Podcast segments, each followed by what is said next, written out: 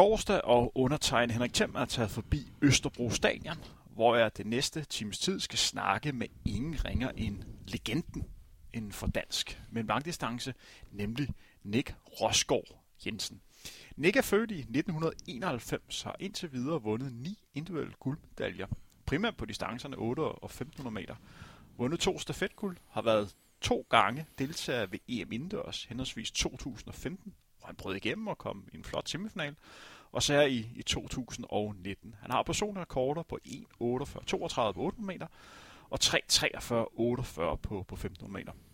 Han er søn af den danske rekordholder på kvindernes 1500 meter, Heidi Jensen, og løber til daglig for Sparta og er uddannet øh, pædagog. Velkommen til, Nick.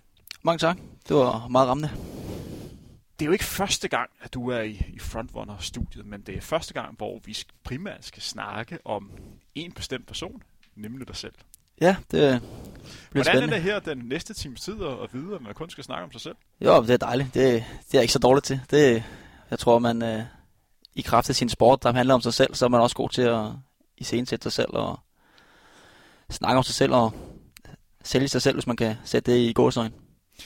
Nick, du har jo lige været afsted med, med landsholdet, hvor du vandt en flot sejr på, på 1500 meter. Vi snakkede lidt om det, inden vi gik på, at du var seedet som sådan 4-5 stykker, men, men vandt løbet. Og du er også øh, dansmester nu på, på 1500 meter. Du forsvarede vel din titel, var du ikke også? Eller var det, var det Thijs, der vandt sidste år? Ja, Thijs vandt sidste år. Vi har, de sidste fem år har vi, øh, har vi splittet, mig og Thijs. Der har vi skiftet. Hvis vi holder lidt fokus på det danske mesterskab på, på 1500 meter, hvad var det, der gjorde, at du vandt den dag? Åh, oh, altså, det korte svar, det var, at jeg kom først, ikke? Men, øh, det er jo fornemt at sige. Ja, det er fornemt. Men, øh, ja, men det var faktisk måske, hvad hedder det, første gang, jeg, hvor jeg var seedet uden for medaljerne, inden øh, løbet gik i gang. Så jeg var der lidt øh, nervøs. De andre var dygtige i år, og de har løbet nogle hurtige tider. Både Mikkel og Andreas har løbet 41, og Johnson har løbet 43 inden, og jeg har kun 46 for i år. Og med min øh, skade efter EM, jeg havde lige en måneds tid med her, som også endte i en øh, blokade en uge før træningslejr. Men jeg tror, at grunden til, at jeg vandt, var, at jeg fik lov til at løbe min eget løb. Jeg fik lov til at gøre det på, øh, på min måde. Og hvad hedder det? Løb det taktisk løb, jeg gerne vil. Og man kan sige, ja, i kraft af, at jeg fik lov til det, at lave det til en spurt, eller en sprint, så, øh, så vandt jeg. Du er en løber, der er kendt for meget at tro på dig selv, når du er i, i form. Hvor vigtigt er det for dig at udstråle den her mentale styrke? Og det er utrolig vigtigt. Altså, det er jo det er, hvad hedder det, det skulle sige halvdelen af det, men det er i hvert fald en stor del af det. Selvfølgelig form og, hvad hedder det, og form og dagsform er vigtig, men også at man, er, man tror på sig selv, og man, øh, man ved, man godt kan. Hvis du står på stregen og ikke tror på det, så, øh, så er der ingen grund til at stå på stregen. Hvor meget kigger du efter øh, de andre løber i opvarmning, hvordan de sådan øh, mentalt er? Øh, fordi nogle løber kan jo godt virke en gang imellem som, at de er lidt op at køre, og nogle kan måske virke som, de ikke rigtig tror på det. Er det noget, du lægger mærke til? Ja, altså, jeg vil ikke sige, at det er noget, jeg øh, specifikt kigger efter, men øh, man kan godt mærke folk i call room, hvordan de er, hvordan de, øh, hvordan de agerer i call room, og lige op til. Så vil jeg sige, man lægger mærke til det, men det er ikke det er, det er ikke specifikt for, hvordan min forberedelse er til et løb. Nu kommer vi ind på en sæson her, 2019. Du har vundet de sidste på løb, du, du stiller op i, men det er også en sæson, der på nogen måde nok ikke har været det, som du har håbet på.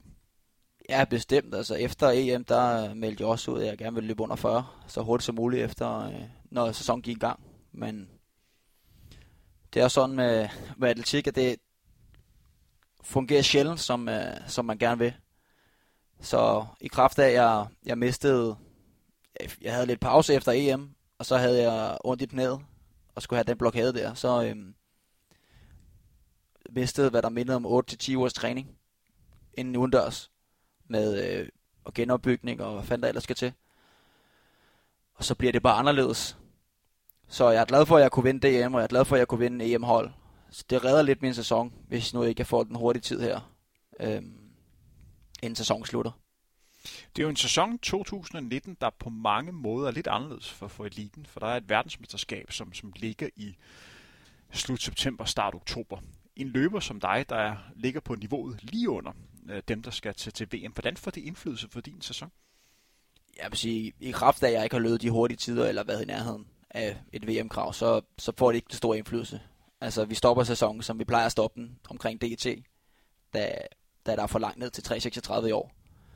Og så er fokus egentlig bare på øh, at få en god vinter. Sidste år gik det godt med en god vinter og indendørs. Så det er, det er planen og ligesom at køre øh, samme, øh, samme procedur her hen over vinteren.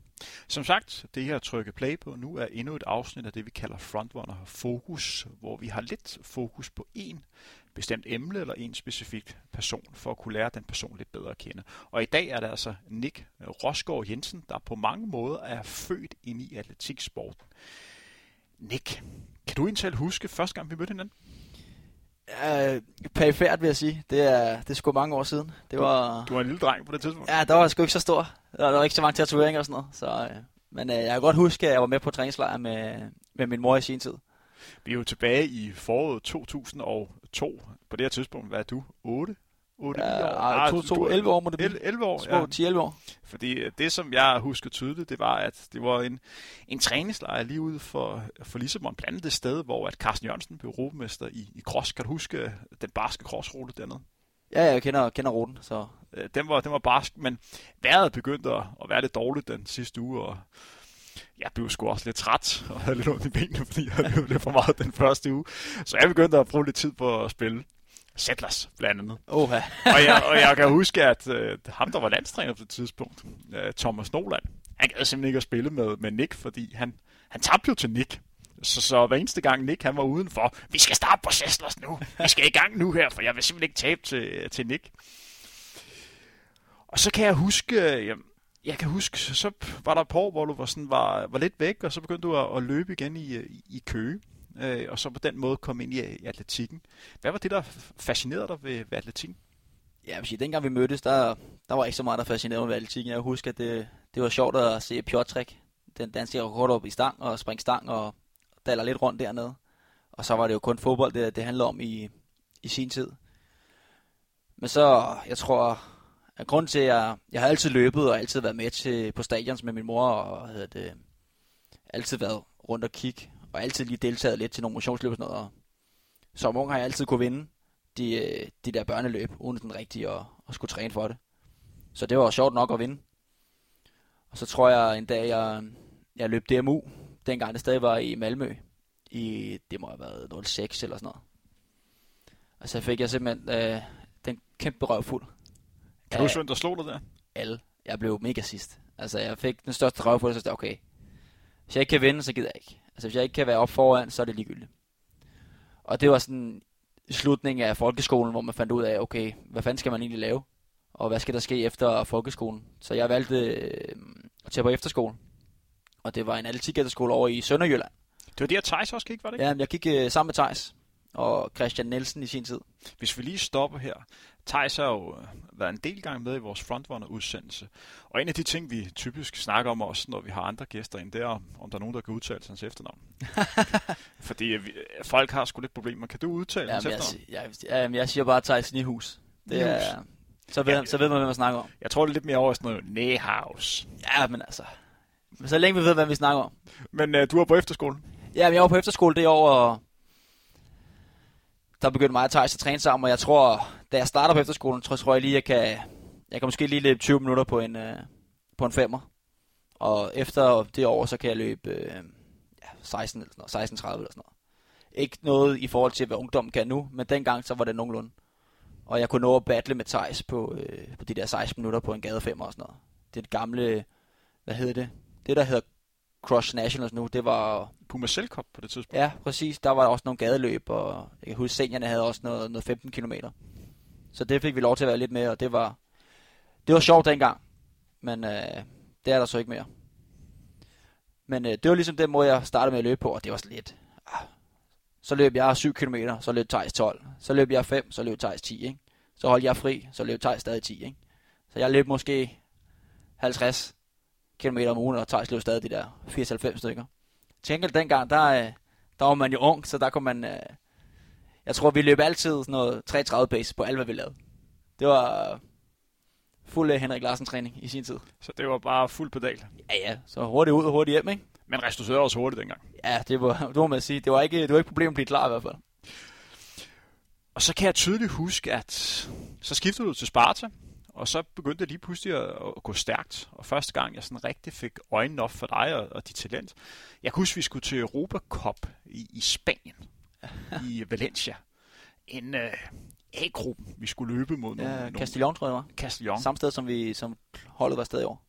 meget, meget varm dag. Og jeg kan huske, at jeg skulle løbe 5.000 meter, og du skulle løbe 800 meter. Og du var altså kommet i et heat blandt nogle af de, de bedste løbere på 800 meter distancen i, øh, ja, står, Ja. hvad må det være, hele Europa, hele verden? Ja, det, ja, Europa i hvert fald. Og så kan jeg Det huske, var en hurtig dreng i og hvert så fald. kan jeg huske, at det her løb her gik i gang. Og der var jo, jeg stod på det tidspunkt og stod og snakkede med øh, den daværende sportschef, som også er sportschef nu her, Henrik Poulsen, han sagde, der krummer jeg ham ikke der. Læg mærke til Nick. Og så tænker jeg, okay, jeg giver lige en chance lige at kigge. Udenbart så han sådan lidt ung ud, om løberen, der står på 100 startstreg. Og så kan jeg huske, starten gik. Sjældent har jeg set en løber, der bliver sat, stort set fra første meter. Men det gjorde den dag. Ja, det jeg. Det var, Der var løbet stærkt. Men det, er, øh, det er første gang, jeg har været øh, sat ud af svinget på en 800 meter. og sat ud af svinget på et 800 meter, og så var det bare 800 meter time trial helt alene. Men til gengæld får du en ny personrekord med hjem. Jeg tror, hvad løb du? 1,53 eller sådan noget? Øh, jeg tror, det løb 54, 14, 16 stykker. Så det var stadig PR med, med 2,5 sekund. Men øh, i princippet løb du dit eget løb, fordi øh, de andre så du ikke, før Nej. de var i mål. Det var, det var faktisk nok til at løbe mig på, på, til en landsholdsplads også det år. Ja, det er rigtigt. Der var vi jo Så afsted begge to. Der var vi i Sarajevo også. Ja, Det var også... Øh, var det ikke den sommer, hvor vi havde lidt den rytme, at om lørdagen, der blev jeg stegt Jo. i varme. Og så dagen efter, så var det temperaturen faldet 15 grader, og så skulle den ikke løbe. det var et perfekt løb. til- Ja, det, det, det var faktisk noget af den stil. Det jeg kan huske det, fordi det var sådan gensidigt igennem hele, hele sæsonen. At det var goldt den ene dag, og 35 grader til alt det, det lange gav. Ja, langdistancerne, han skulle simpelthen bare st- stege i varme. Nick, hvad er det fedeste ved at være løb? Og uh, det fedeste, det er, når, når det spiller, og man vinder. Det fedeste, det er konkurrencen i det. Hvad for, en, øh, hvad for en følelse får du, når du vinder? Og det er jo en følelse af, at det, man laver, er rigtigt. Og det er jo eufori. På, øh, det må være... Men det, er jo- det er så specielt, at det, at det er så svært at forklare, for det er så mange timers arbejde, der ligger i at løbe de her, ja nu er det så fire minutter efterhånden, for så ja, enten vinde DM eller vinde EM hold nu her, ikke? Det har været, det har været fedt, og det, det er det, der får en til at fortsætte med at lave det, man gør. Man er i stand til at, at vinde lidt af de lidt større løb engang imellem. Hvad er det værste ved at være løber? Ja, skulle til at sige at være skadet, men jeg vil, det er jo lidt en kliché at sige, at det er, når jeg ikke kan træne. Men jeg vil sige, det værste ved at være løber, det er selvfølgelig at tabe. Eller hvis man ikke får gjort det, man kan. For eksempel EM ene, der gjorde jeg ikke det, jeg kunne. Så der, der havde jeg det dårligt bagefter. Eller så, øhm, det, det værste ved at være løber, det er jo de afkald, man giver på, på sit liv og sin, øh, sin hverdag. Både i forhold til venner og familie, men ja, mest venner og familie vil jeg sige. Altså man, man, dem ser man jo i længere perioder ikke. Og det, det er ret hårdt nogle gange. Når man ikke kan komme hjem til fødselsdag og begravelse og hvad, hvad, hvad end nu der skal ske, mens man er på den anden side af jorden. Hvis du sådan skal sætte en ord på dig selv som løber, hvordan vil du beskrive dig selv som løber? Og jeg vil nok beskrive mig som en taktisk klog løber. Det tror jeg mange udefra også vil. Og en eksplosiv løber. Det, man kalder en mesterskabsløber. Ja, En, der klarer sig godt, når det handler om at komme først, og ikke nødvendigvis om at løbe hurtigst. ja lige præcis. Det er jo, det er jo, må jeg sige, det er måske den måde, jeg er kendt som løber på. Altså, har været, været dygtig til at løbe, når det, når det gælder. Og det har jeg så også vist i år, at det er jo det er der, jeg har min force. Hvordan tror du, andre ser dig selv som løber? Jo, meget det samme. Altså en god taktisk løber, og hvad hedder det, måske en smule arrogant på banen. Men øh, hvis man kun ser løberen, så, så kan jeg godt forstå det. Hvor stor forskel er der på, på løberen Nick, og så privatpersonen Nick? Og der er kæmpe forskel. Altså, det er, det er umiddelbart to forskellige personer. Hvad er det, som personen Nick er, som, øh, så, som løberen er? Nå, men jeg siger, jeg er meget nede på jorden, når jeg ikke er på, på banen. Men øh, på banen, der er det jo, der, der gælder det om at, der er det en konkurrence, og det er jo, det er jo kamp. Det er jo slåskamp, skulle jeg til at sige, det er det ikke, men øh, man fighter jo for øh, alt, man, har- alt, man har lært, når man står på, øh, når man står på banen. Så det er jo, det er en kriger. Det må, lad os sige sådan. Det er en kriger på en bane, og det, det er i hvert fald ikke øh, udenfor. Der er det stille og roligt pædagogen, ikke? Der, der hygger sig med børnene og sætter nogle spil i gang. Nick, du er jo en løber, der igennem hele din karriere har haft din, din mor som træner. Den tidligere rekord, eller den nuværende rekordindhaver på, på 1500 meter. Hvad, hun har 407 på, på distancen. Hvordan er det at have sin mor som træner? Jo, men det, det har også skiftet lidt. Altså, det, når det fungerer, så er det jo fedt. Men øh, det har været en lang proces om, hvordan man ligesom øh, arbejder professionelt med sin mor, i stedet for, at det er ens mor. Så det, det er specielt, men, øh, men det fungerer. Og hvad hedder det? Det har jo taget tid at komme hertil, hvor vi er nu, hvor man har det her professionelle samarbejde om, hvordan skal vi gøre. Men jeg synes også, det er fedt, fordi hun kender mig også på, på en anden måde, som, øh, som der ikke er nogen andre mennesker, der gør. Hvad er det for nogle, nogle styrker, der, der kan være med at have en så stor relation, og så have vedkommende så som træner? Ja, jeg ved ikke, om relationen er... Øhm... I må kende hinanden. Ja, det gør vi. Ja, det gør vi, men jeg ved ikke, om det er, om det er en decideret fordel med relationen. Jeg tror, det er mere en fordel, at hun selv har været i gamet, og selv har prøvet alle de her... Selv prøvet at være nervøs før et løb, og selv prøvet at have en lortetræning, og selv udgået af en træning og sådan nogle ting. Der tror jeg, det er meget fedt at have et relation, som jeg prøv at høre, det er sgu normalt at have en lortetræning, og det er normalt at, at være træt, når man har øh, fulde uger af både med arbejde og træning. Så jeg tror, det er, det er mere den relation i, at hun kan sætte ord på, fortælle mig, hvordan at det er normalt at føle på den måde, jeg føler i forhold til træning. Fordi hun selv har været der. Lige præcis. I er jo en del af en, en træningsgruppe, der er her på, på Østerbro, eller nærmere holder til, hvor vi sidder lige nu her, for vi sidder og optager i idrætshuset i, i Sparta, hvor du har brugt ufattelig mange timer. Jeg har også brugt en, en del timer eh, herinde. Kan du kort sætte nogle, nogle ord på, på den måde, som, som du træner, og hvordan du ser træning? Ja, jeg tror ikke, man kan sætte... Det kan nok ikke blive alt for kort, men øh, vi har jo en filosofi om, at vi... Øh, vi træner noget race pace, og vi træner noget, noget threshold, og vi øh, løber nogle lidt længere intervaller. Og så det, det, det deler meget op med i formtoppe og sådan noget hen over sæsonen. Hvad er det, jeres træning kan, som andre for eksempel ikke kan? Jamen, jeg bilder mig ind, at vi, kan, hvad hedder det, at vi er dygtige til at toppe vores træning, når alt spiller. Hvor vigtigt er det at toppe ens træning? Det er altafgørende. Det er jo, det er jo grund til, at du kan præstere til mesterskaber, og man kan, at man kan differentiere, hvad man laver i løbet af en, øh, ikke en træningsuge, men en træningsblok, at man siger, okay, nu skal vi lave noget race pace, fordi nu har vi brug for øh, det her. Nu skal vi, øh, nu har vi brug for at holde noget threshold ved lige, fordi ellers så, så kan vi ikke lave alt det andet, vi skal lave. Så jeg vil sige, at altså, formtopning i med hensyn til mesterskaber er altafgørende. Hvis man bare ligger i den samme, øh, hvad hedder sådan en, samme rytme. Som ja, hvis du ligger i den samme rytme og bare laver det samme, så øh, på et tidspunkt, så, så er der ikke difference nok i den træning, man laver, så, øh, så tror jeg ikke på, at det virker. Det er jo ikke nogen hemmelighed, at jeg også bruger meget tid på at lave løbeteknisk træning og, og styrketræning og hele den der skoling i at kunne løbe øh, korrekt. Er det noget, som, ja det ligger jo lidt i mit spørgsmål, fordi I nu gør det, men er det noget, som du synes, der bliver fokuseret for lidt på, når du sådan kigger ud på øh, andre træningsgrupper i landet? Jeg ved ikke, uh, umiddelbart ved jeg ikke, hvad folk laver, render rundt og laver, og hvad de ikke... Men man kan jo se på mange løbere, at de ikke er stærke nok, når de løber. Og ikke stærke nok, hvad mener du så? Er det sådan rent muskelstyrke i overkroppen, eller hvordan definerer du ja, som stærk? Ja, men altså stærke kåre, stærke ben. Altså i kraft af, at man sætter sig ned, når man løber. Løber øh, i sofaen, som vi kalder den, så, så smukt. Ikke at man ikke også selv kommer ned en gang imellem, når man er, når man er meget træt, men det er jo et tegn på, at man ikke er stærk nok, hvis du ikke kan holde dig, øh, holde dig ret, og at dit løbeteknik ikke er, er god nok. Jeg vil sige, at vi har haft meget fokus på øh, løbeteknik, specielt i vores unge år. Men jeg vil så også sige, at det, det halter lidt med det nu, og få det, få det ind, fordi der er så mange andre ting, man også gerne vil... Øh... Hvad er det for nogle ting? Jamen, blandt andet styrke, og så vil man måske også hellere have lidt mere løb ind, og man bliver nødt til at dreje på nogle andre knapper. Når vi snakker styrke, fordi der er jo nogen, som, som tror, nu har jeg nået et, et styrke nu, så jeg, som er acceptabelt, så nu behøver jeg ikke at bruge mere tid på, øh, på styrketræning.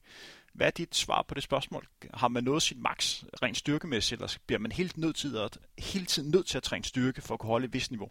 Jamen, jeg, øh, personligt laver jeg også styrke, hvad hedder det, to gange om ugen, året rundt, som udgangspunkt. Og hvad er det for nogle øvelser, du laver der? Ja, det, det varierer i forhold til, om, man, øh, om det er vinter, eller om det er, hvad hedder det, sæson, som det er nu. Altså i vinterperioden, der er det meget tung styrke, og meget små øvelser, stabilitetsøvelser, og øh, selvfølgelig squat baglov, med ryg, altså virkelig styrkeøvelser for ben, og så, hvad hedder det, skadesforbyggende for, hvad hedder det, for resten af kroppen. Og så her i sæsonen, der er det så øh, eksplosiv styrke, squat, opstigninger på fuld smadre, med lidt færre vægte. Vi er jo i en løbeverden, hvor der er meget fokus på, hvor mange kilometer øh, man løber. Og jeres træningsgruppe er jo ikke kendt for at gå så meget op i, om man nu ligger og løber 60 km om ugen, eller 130 eller 140. Hvordan synes du om det valg? Synes du, der bliver snakket for, mange om de her, snakket for meget om de her kilometer? Ja, både og, synes jeg. Men hedder det, personligt kan jeg bare sige, at man bliver nødt til at finde det niveau, hvor, hvor man kan holde til at træne. Så hvis du kan holde til at løbe 90 km hver uge, så er det der, man skal ligge. Kan du holde til at ligge 130? Men jeg mener også, at hvad hedder det, man skal... Det kommer lidt an på, hvad man putter i kilometerne. For hvis det er bare ud at jogge 10 km for at jogge 10 km, så der kan det være fint nok en gang imellem. Men nogle gange, som en restitutionstur for eksempel. Men ellers så er det jo bare, så er det junk. Og det, det laver vi ikke så meget af i vores gruppe i hvert fald. Det er jo sådan, at øh, jeg tidligere har lavet flere udsendelser med din mors gamle træner, Anders Storskov, som nu er fysisk træner i FCK. Vi har primært snakket om, hvordan han arbejder med FCK-spillerne, men vi har også nogle gange kommet lidt ind på, hvordan han arbejder med din mor i sin tid. Og en af de ting, som han havde lidt fokus på der, det var at have et træningspas om dagen, hvor du til gengæld trænede lang tid. Så i stedet for at dele det op, som nogle gør, så var der den her en blok, som nogle gange kunne være lidt massiv. Er det også noget, som, som du har praktiseret, at man har et, et træningspas om dagen, der til gengæld ikke var halvanden time, måske var tre timer, hvor man laver en masse forskellige ting? Vi havde en overgang en periode, hvor vægtpasset var i de der 3-3,5 timer med løb og vægt og spring og løb igen. Men øh, som udgangspunkt, der, vi, der tror jeg, det er noget, hvad hvert fald Heidi er gået væk fra og træner, så vil hun hellere have, at vi træner mere end en gang om dagen. Hvis vi begynder igen og kigger på, på dig som, som løber, har du nogle forbilleder? Har du nogen, som du tænker, de her, de, de gør det sgu godt? Jamen, jeg så godt spørgsmålet der, da du sendte spørgsmål til mig, nogle af dem der. Uh, den er, fem, og, den er fandme svær. Og du må gerne sige noget til Du må godt sige noget til Ja, men uh, det gør jeg fandme ikke. Nej, men jeg, jeg har... Øh, Han er ellers kendt for hans løbestil. Det er rigtigt. Det er en ægte sofa. der er kun overgået af Anders Rømer. Nej, men jeg har lidt valgt at dele den op til at både tage en her hjemmefra, og så tage en fra, øh, fra det store udland. Så øh, jeg ved ikke, hvad du vil have, jeg starter med. Lad os starte med fra den hjemlige. Ja, men her hjemme, så øh, har jeg valgt at øh, sige, at mit forbillede, det, det er altid svært med forbilleder. Jeg synes også, det skifter lidt og sådan noget, men jeg kan godt lide at, at, at kigge lidt på, øh, på Sara Slot for eksempel. Da hun er en løber, der har progressivt udviklet sig, og så øh, har ventet 10 år på sit gennembrud, og så endelig får det.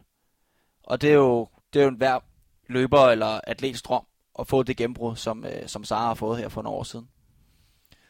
Så det kigger jeg rigtig meget på og tænker, okay, det kan, det kan fandme lade sig gøre, ikke? Og sige... Så selvom Sara, hun løber en anden disciplin, end du gør, hun har jo specialiseret sig i 400 meter hæk, så kan du stadig bruge hende som inspiration. Ja, bestemt. Altså som atlet og som øh, den udvikling, hun har gennemgået, det er jo, det er jo, ja, som jeg siger, det er en værd drøm. Altså man kan komme bare til nærme sig Saras niveau. Og hvis vi sådan breder, breder snakken ud, og så kigger globalt.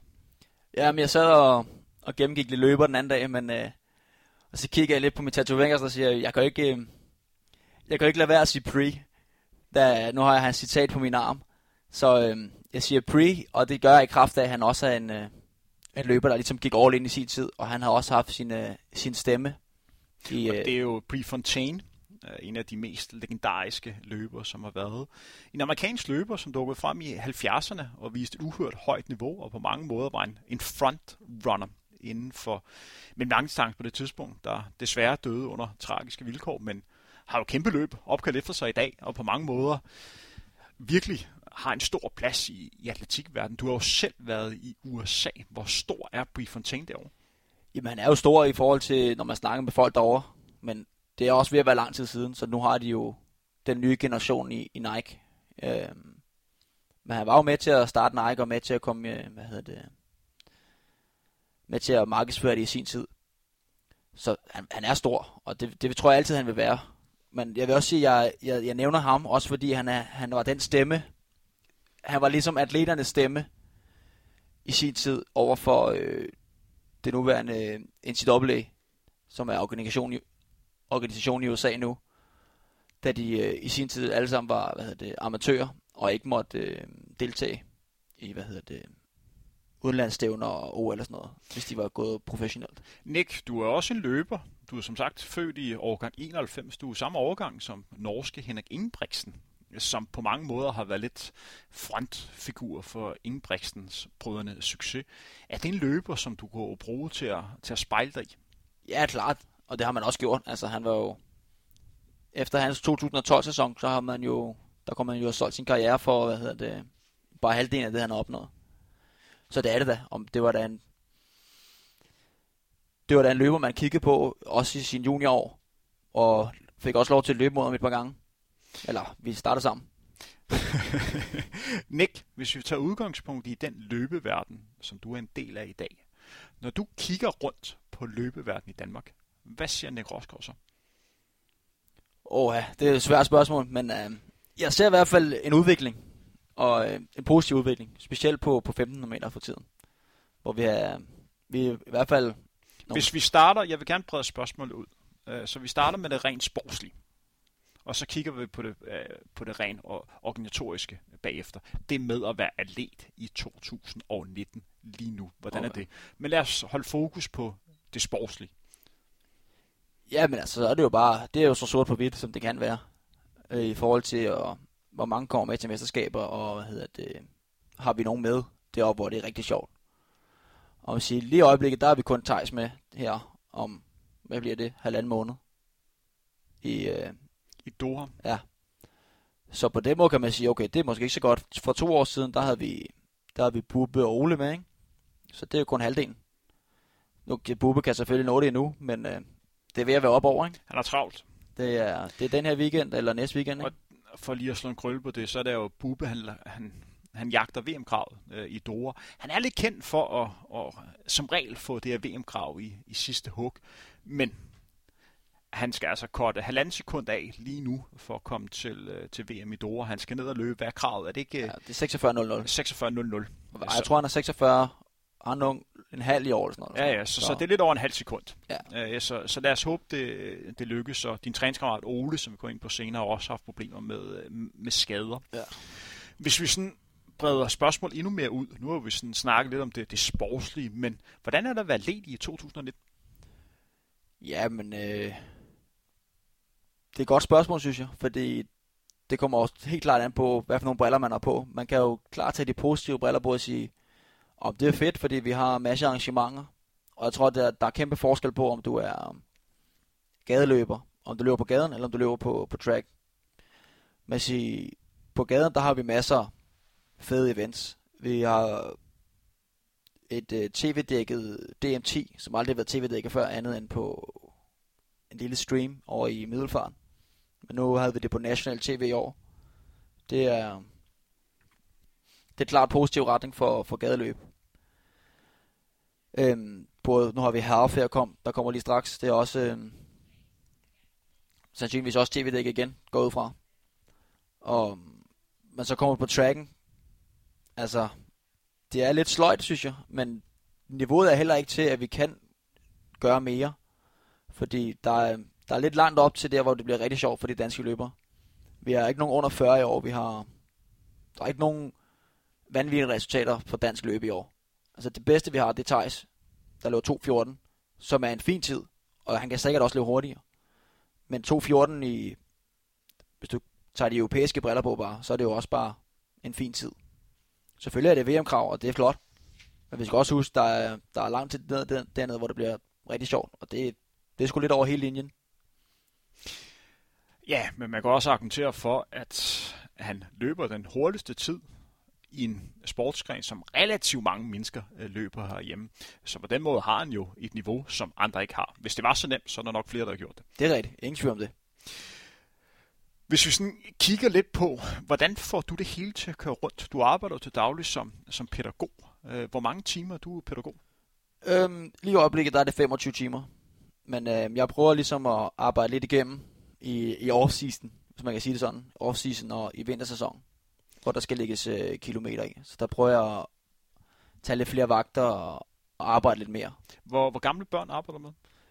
Og lige nu der er det alt fra 8 til 18 år. Hvordan er det at arbejde som pædagog?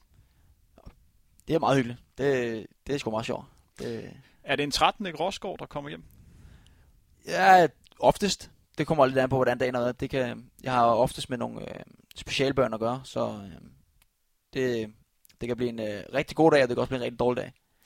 Man hører jo ofte, at eliteidrætsfolk måske ikke går så meget op i sådan politiske spørgsmål.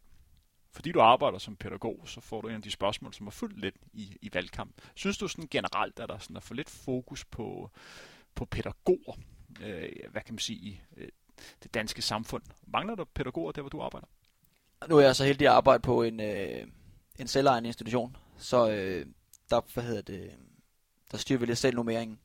Men øh, jeg har da været andre steder i børnehaver og fritidsordninger, hvor en nummering har været øh, til den sløje side, vil jeg sige. Og det, det er fandme svært at have med både specialbørn og almindelige gode børn at gøre, hvis øh, ens nummering er så skidt, at man øh, simpelthen ikke har arme og ben nok til at kunne følge med.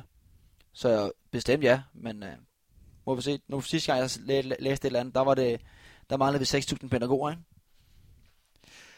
Lad os øh, gå lidt videre med, med dagens program. Du er jo en løber, der igennem mange år har haft et nært venskab med en anden løber, som vi har, har snakket en del om i det her program, nemlig Ole Hesselbjerg. Ole, som i mine øjne er en af de, de bedste løber, som vi har lige nu. Og man kan også argumentere for, at han er måske top 10 over de bedste løber, som vi overhovedet har haft. Han har haft et, et, et højt sportsniveau igennem flere år, har været til, til VM, OL og EM. Øh, det er løber, som du kender rigtig, rigtig godt. I har jo kendt hinanden lige siden I hvad? 15-16 år eller sådan noget? Ja, siden jeg, siden jeg startede klubben. Hvad betyder Ole for dig? Og Ole betyder meget for mig. Altså, det er jo... Det har været fedt at have en, øh, en løber og en kammerat på siden, som har øh, samme, mere eller mindre samme holdning til, til løb, som jeg har. Og hvad hedder det? Øh, også har turde sats på det. Kunne du være blevet god uden øh, Ole? Ikke på samme måde, tror jeg. Jeg tror, det har været vigtigt for, for os begge to at have, have hvad kan man sige, en kompagnon. Og øh, kunne rejse med og kunne øh, udforske nye steder. Altså tage til Flagstaff med og se, okay, kan vi bruge Flagstaff til at træne? For at vente om, kunne Ole have nået det niveau uden dig? Ja, det tror jeg godt. Altså, jeg tror, øh, Ole han er, en, han er stedig, så det tror jeg godt. Det tror jeg, øh, men jeg tror, vi har brug for hinanden, og det, det vil vi fortsætte af. Hvad er hans force som løber? Hvad er det, han kan? Altså, han er god til at... Øh, altså, som, i, I et løb eller som løber? Som løber. Jo, men han er god til at tage tingene seriøst. Han er god til at sige, nu gør vi sådan her, fordi det ved vi, det er det, der skal til. Eller det tror vi, der skal til, så nu gør vi det på, på vores måde. Så han er god til at sætte, sætte, sætte rammer for det, vi skal gøre. Nick, øh, hvis man spørger andre løber, som er inden for det her game, og de får et spørgsmål, hvordan du beskriver øh, Nick, så vil de typisk snakke om, at det er en løber, som siger sin mening, som ikke er bange for at skille, skille sig ud. Hvor vigtigt er det for dig, attitude?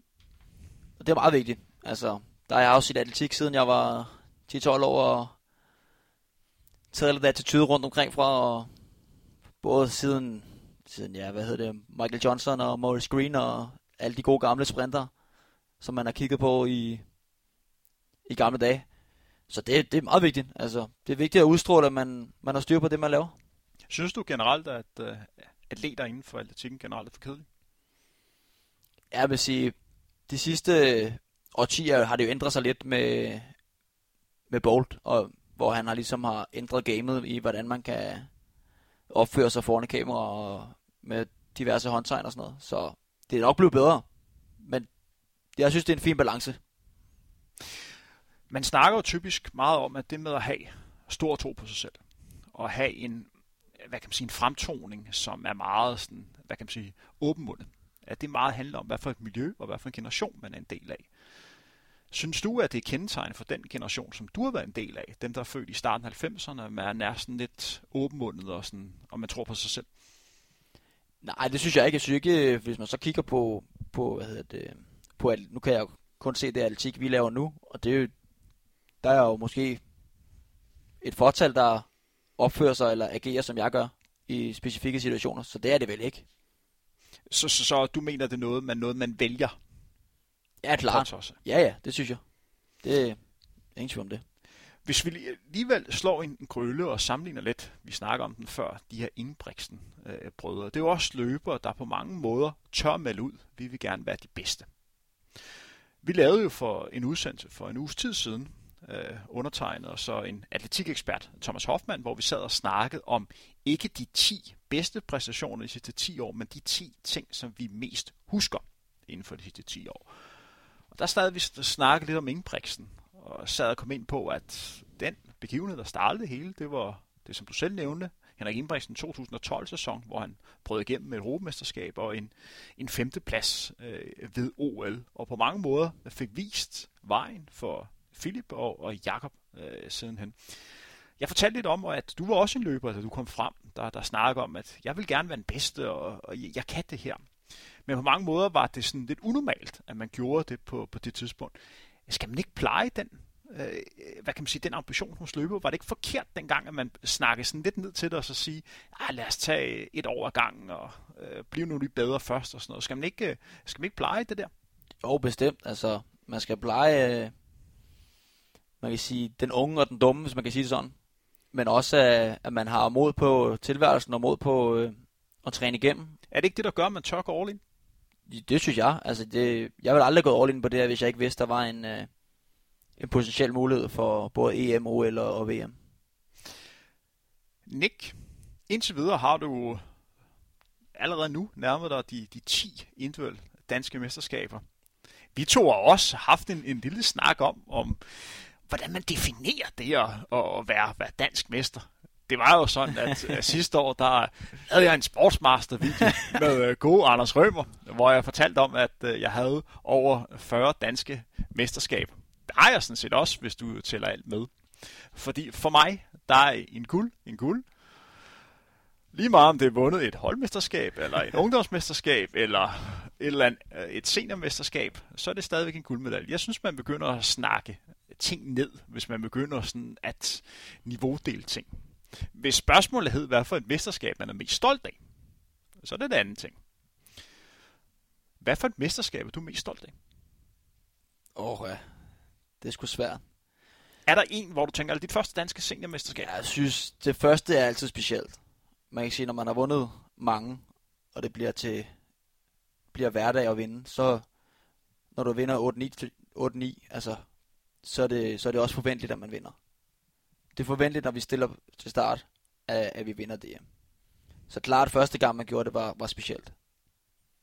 Men som sagt, lige nu nærmer du dig de 10 individuelle danske mesterskaber. Du har også nogle stafet. Det må være i, i 4 gange 400 meter og været til to gange EM indendørs.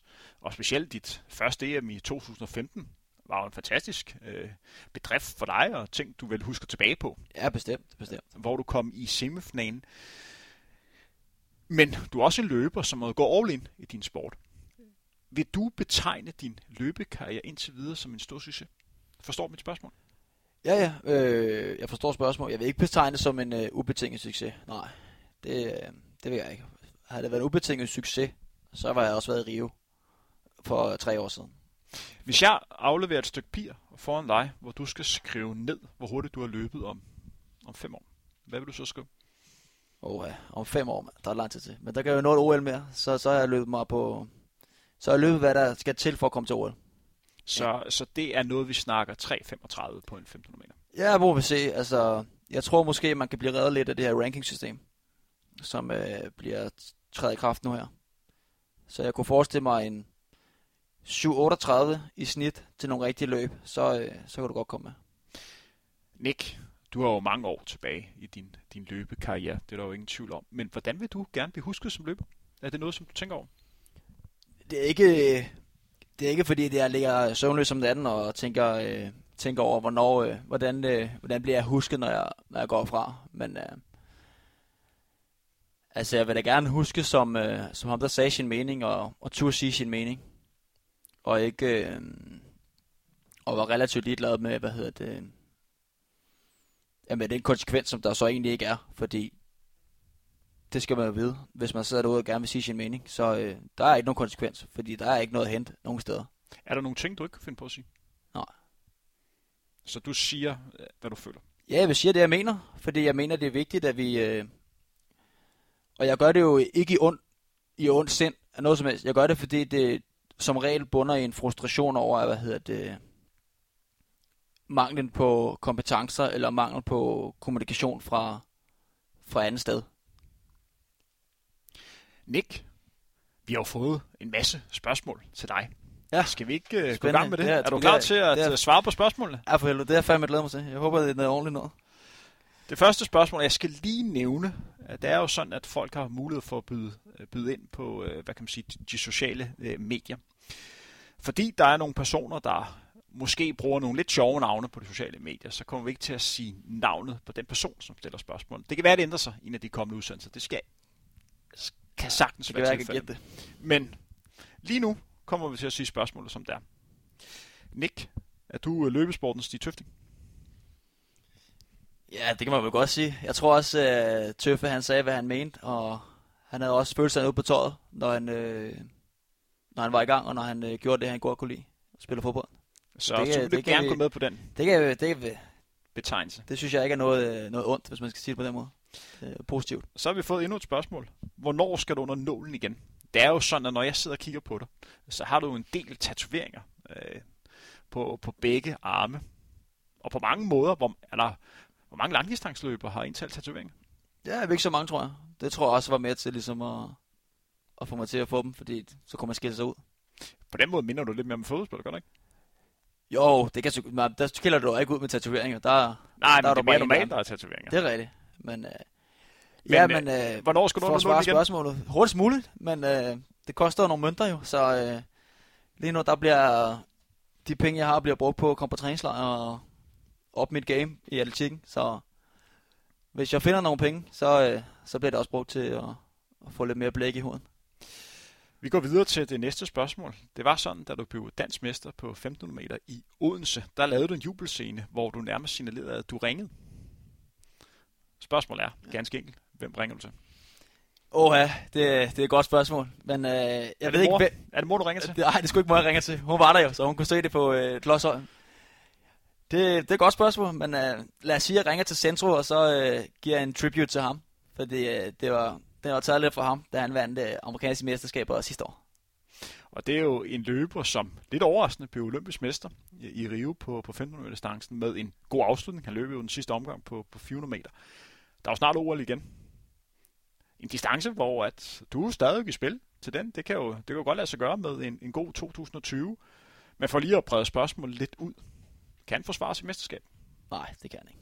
Det tror jeg ikke på. Og det er jo en distance, som er konkurrencen er hård der. Jeg må sige, det, øh, der skal også være lidt heldig.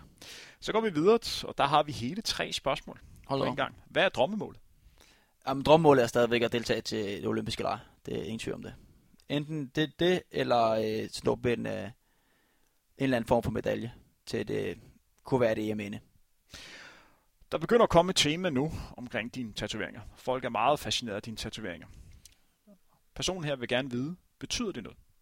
Ja, det gør de. Altså, det, Eller er det bare sådan hulter til bulter? Jeg vil sige, der er ikke en, en mening med, med, med hele armen, men øh, de fleste af mine tatoveringer har en eller anden form for betydning. Er der nogle steder, hvor der står morstreng? Nej, der står ikke morstreng, men der står, øh, der står marm og et hjerte på, på albuen. Hvad med Ole H? Er han kommet på endnu? Ej, han er ikke kommet på endnu. Han, øh, hvis han betaler, så kan, vi, øh, så kan vi snakke om det. Hvor skal Ole være? Ej, han, kan, han kan få en plads på ballen, tror jeg. Han kan få valgen. Ja, ja, hvis han betaler. Og jeg, det, der skal nok også være en lille brænder på, før det, før det kunne lade sig gøre. Men øh, Vil du betegne dig selv som den løber i Danmark med allermest stil? med mest stil, Og i så fald, hvis du ikke er, hvem er det så? måske mest stil på banen.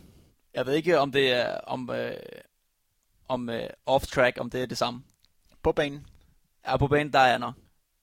Og hvis der skulle være en konkurrent, hvem skulle du så være? Bubbe? Ja, Bubbe, det lad os sige Bubbe. Han, øh, han holder fast i sit, øh, sit flotte hår. Træner du anderledes nu, nu når du har fokus på 1500 meter, øh, end da du løber 800 meter? Ja, det gør jeg. Det er markant anderledes. Og hvordan er din træning anderledes? Øhm, mere fokus på øh, det aerobe, og øh, ikke så mange deciderede hårde syreintervaller. Så vi laver ikke meget syre for tiden. Og det, specielt den her efter, eller hvad hedder det, øhm, sommersæson, i kraft af, at jeg har mistet et par uger i, øh, i foråret. Efter Og hvis man skal gøre det fuldstændig ud i pap, hvordan vil det typiske intervalpas se ud, når man løber 1500 meter, kontra at man løber 800 meter? ja, Fordi for nogen virker de distancer meget lige med hinanden. Ja, men jeg vil sige, altså i, på 1500 meter, der arbejder vi meget i, øh, i race pace. Og for dig et øh, race pace, det er sådan noget 8,59 på omgang. Ja, altså 58 vil være lækkert, ikke? Men øh, vi arbejder ned mod, at 859 det er race pace. Eller man kan løbe, komme til 1200 i 758 bare, og så kunne lukke, ikke? Modsat hvor 800 meter, der lavede man meget nogle hurtige toner og hurtige 300 og nogle hurtige intervaller med, med kort pause. Hvad for en træning kan du bedst selv lide? Jamen, jeg kan sgu meget godt lide begge træninger. Altså, jeg, jeg vil ønske, at jeg kunne øh, have kroppen til at kunne, øh, kunne gøre begge ting. Og det håber jeg, jeg kan få ved at prøve at bygge noget kontinuitet op. Så jeg ikke øh, er helt færdig med 800 meter også øh, på sigt. Er det et nødvendigt valg, at du går op på 1500 meter? Ja, men det kom jo lidt tilfældigt i kraft af, at jeg blev skadet i 2000 og... Hvad fanden bliver det? Ja, i 2017. Der havde jeg en, øh, en skadespause også. Hvor vi ikke kunne nå at træne det specifikke hurtigt, og bare valgte at sige, okay, så løber vi bare noget 15 meter i år, og så tager vi den derfra. Og så, så gik det okay, jeg fik løbet 3.44, sådan rimelig nemt. Og altså ikke kommer så meget længere ned, men øh, det er i kraft af, at jeg mangler kontinuitet, og jeg mangler stadig også noget erfaring på 1500 meter.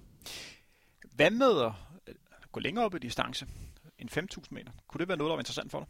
Ja, det bliver for langt. Der er, øhm, jeg er meget powerful løber, så øhm, der skal ikke bruge så meget power på en femmer, og jeg er for tung til at løbe 5 km. Hvor mange millimeter er din frisyr efter en klipning? Hvor mange millimeter den er? Ja. Og den er som regel 0. 0 til 1, hvis, øh, hvis jeg selv har klaret den.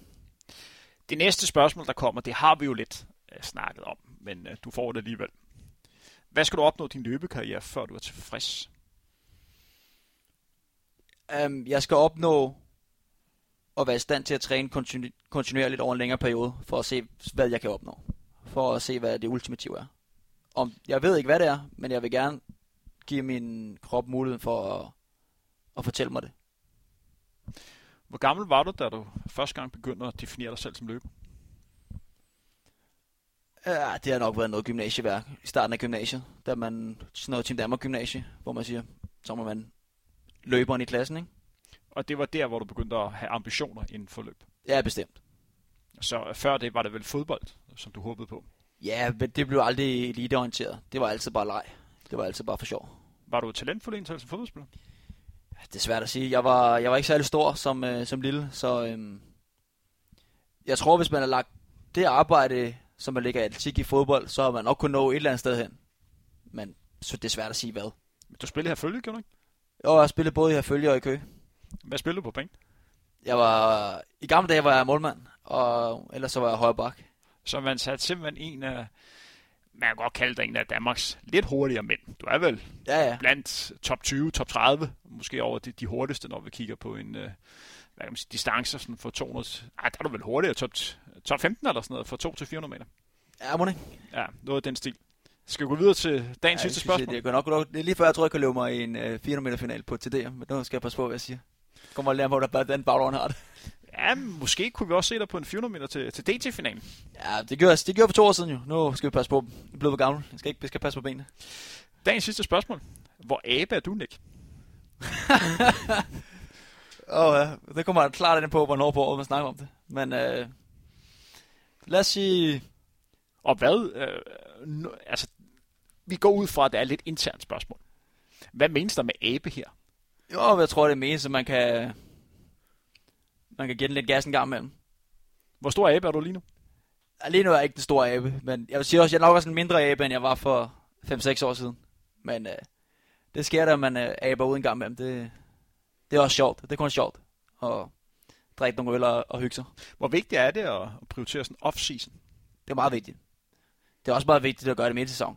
At få en øl eller to eller tre. Jeg tror, det er, det er en vigtig balancegang i, at man, øh, man ikke bliver for seriøs. Eller for useriøs. Og det, det har jeg sgu kæmpet meget med, også de senere år. Hvor er grænsen? Skal man bare helt lade være med at, at drikke en øl, eller skal du bare leve af broccoli, eller hvor skal man øh, lægge fokus ind? Og umiddelbart så kommer til, at man skal, man skal fandme huske at hygge sig. Og med det, Nick, så er vi ved at nå vejs inde på dagens udsendelse. Hvordan var det at sidde og snakke her? Det der blev en, en lille time om en person, nemlig sig selv. Jo, det synes det har været, det har været hyggeligt. Det er jo sådan her i, i Frontrunner, at vi skal jo tid til vores gæst, og skal være sikker på, at personen får mulighed for at sige det, man har på hjertet. Nick, har du nogle ting på hjertet, som vi ikke rigtig har været inde på? Jeg ved ikke, jeg synes, vi har været meget godt rundt. Jeg ved ikke, øh, hvad det skulle være. Det tror jeg, det er måske meget fint. Jeg kan jo lige slutte af med at spørge, hvad du skal lave til træning i dag. Og jeg har faktisk trænet. Jeg har lavet lidt vægt her til, til formiddag. Og så nu hedder det ren afslappning for dig resten af dagen? Ja, jeg skal på arbejde faktisk her klokken om halvanden times tid. Lige ud og kigge lidt på nogle børn. Og så, ja, så afslappe måske i parken senere. Se noget fodbold. Kom ind og, og støtte FCK, der ja, spiller støtte, en, uh, støtte byens hold, ikke? der spiller en vigtig kamp. Ja, det, det kan godt være, at den var vigtigst før den, øh, den i sidste uge, men nu er det den her, der er vigtigst. Ellers så må de jo kigge op på tribunen, og så få Nick Rosgaard ind på banen. Du går jo pønt i angrebet. Ja, tror jeg godt, jeg kan spille. Ja, de mangler nogen efterhånden. De er jo fandme skadet alle sammen. Men med det, hvor der er gået lidt for meget fodboldsnak ind, så lad os slukke ned for den her udsendelse. Som sagt, det her yes. var en udsendelse i vores Frontrunner Fokus, hvor vi snakkede med løbelegenden og løberen, der var på. Det var jo sådan, at vi havde jo kapper soldater ind, hvor de havde en top 5 over deres yndlingsløber. Hvad var du nummer to på den liste? Ja, kun overgået af Peanut så det, det er jeg meget tilfreds med. Hvordan var det at blive overgået af ham? Ja, det er fint nok. Han er sgu også uh, legendarisk nok. Vil du ikke gerne have haft den der plads nummer et? Jo, man vil altid gerne vinde jo, men uh, hvis det, jeg vil sige, at Peanut Butter, han gør det sgu også uh, legendarisk nok. Hvis du lige skal give en hilsen til Karper-soldater, inden vi lukker sådan helt ned. Ja, men jeg, jeg synes jo, det er fantastisk, vi har en... Uh, nogen, der kan formulere sig ud for uh, at bare være neutral og have mulighed for det. Det, det er lidt sjov måde at gøre det på, når de ikke selv skal stå på mål på samme måde. Så det er sgu sjovt. De, så, så et skud til dem? 100 procent.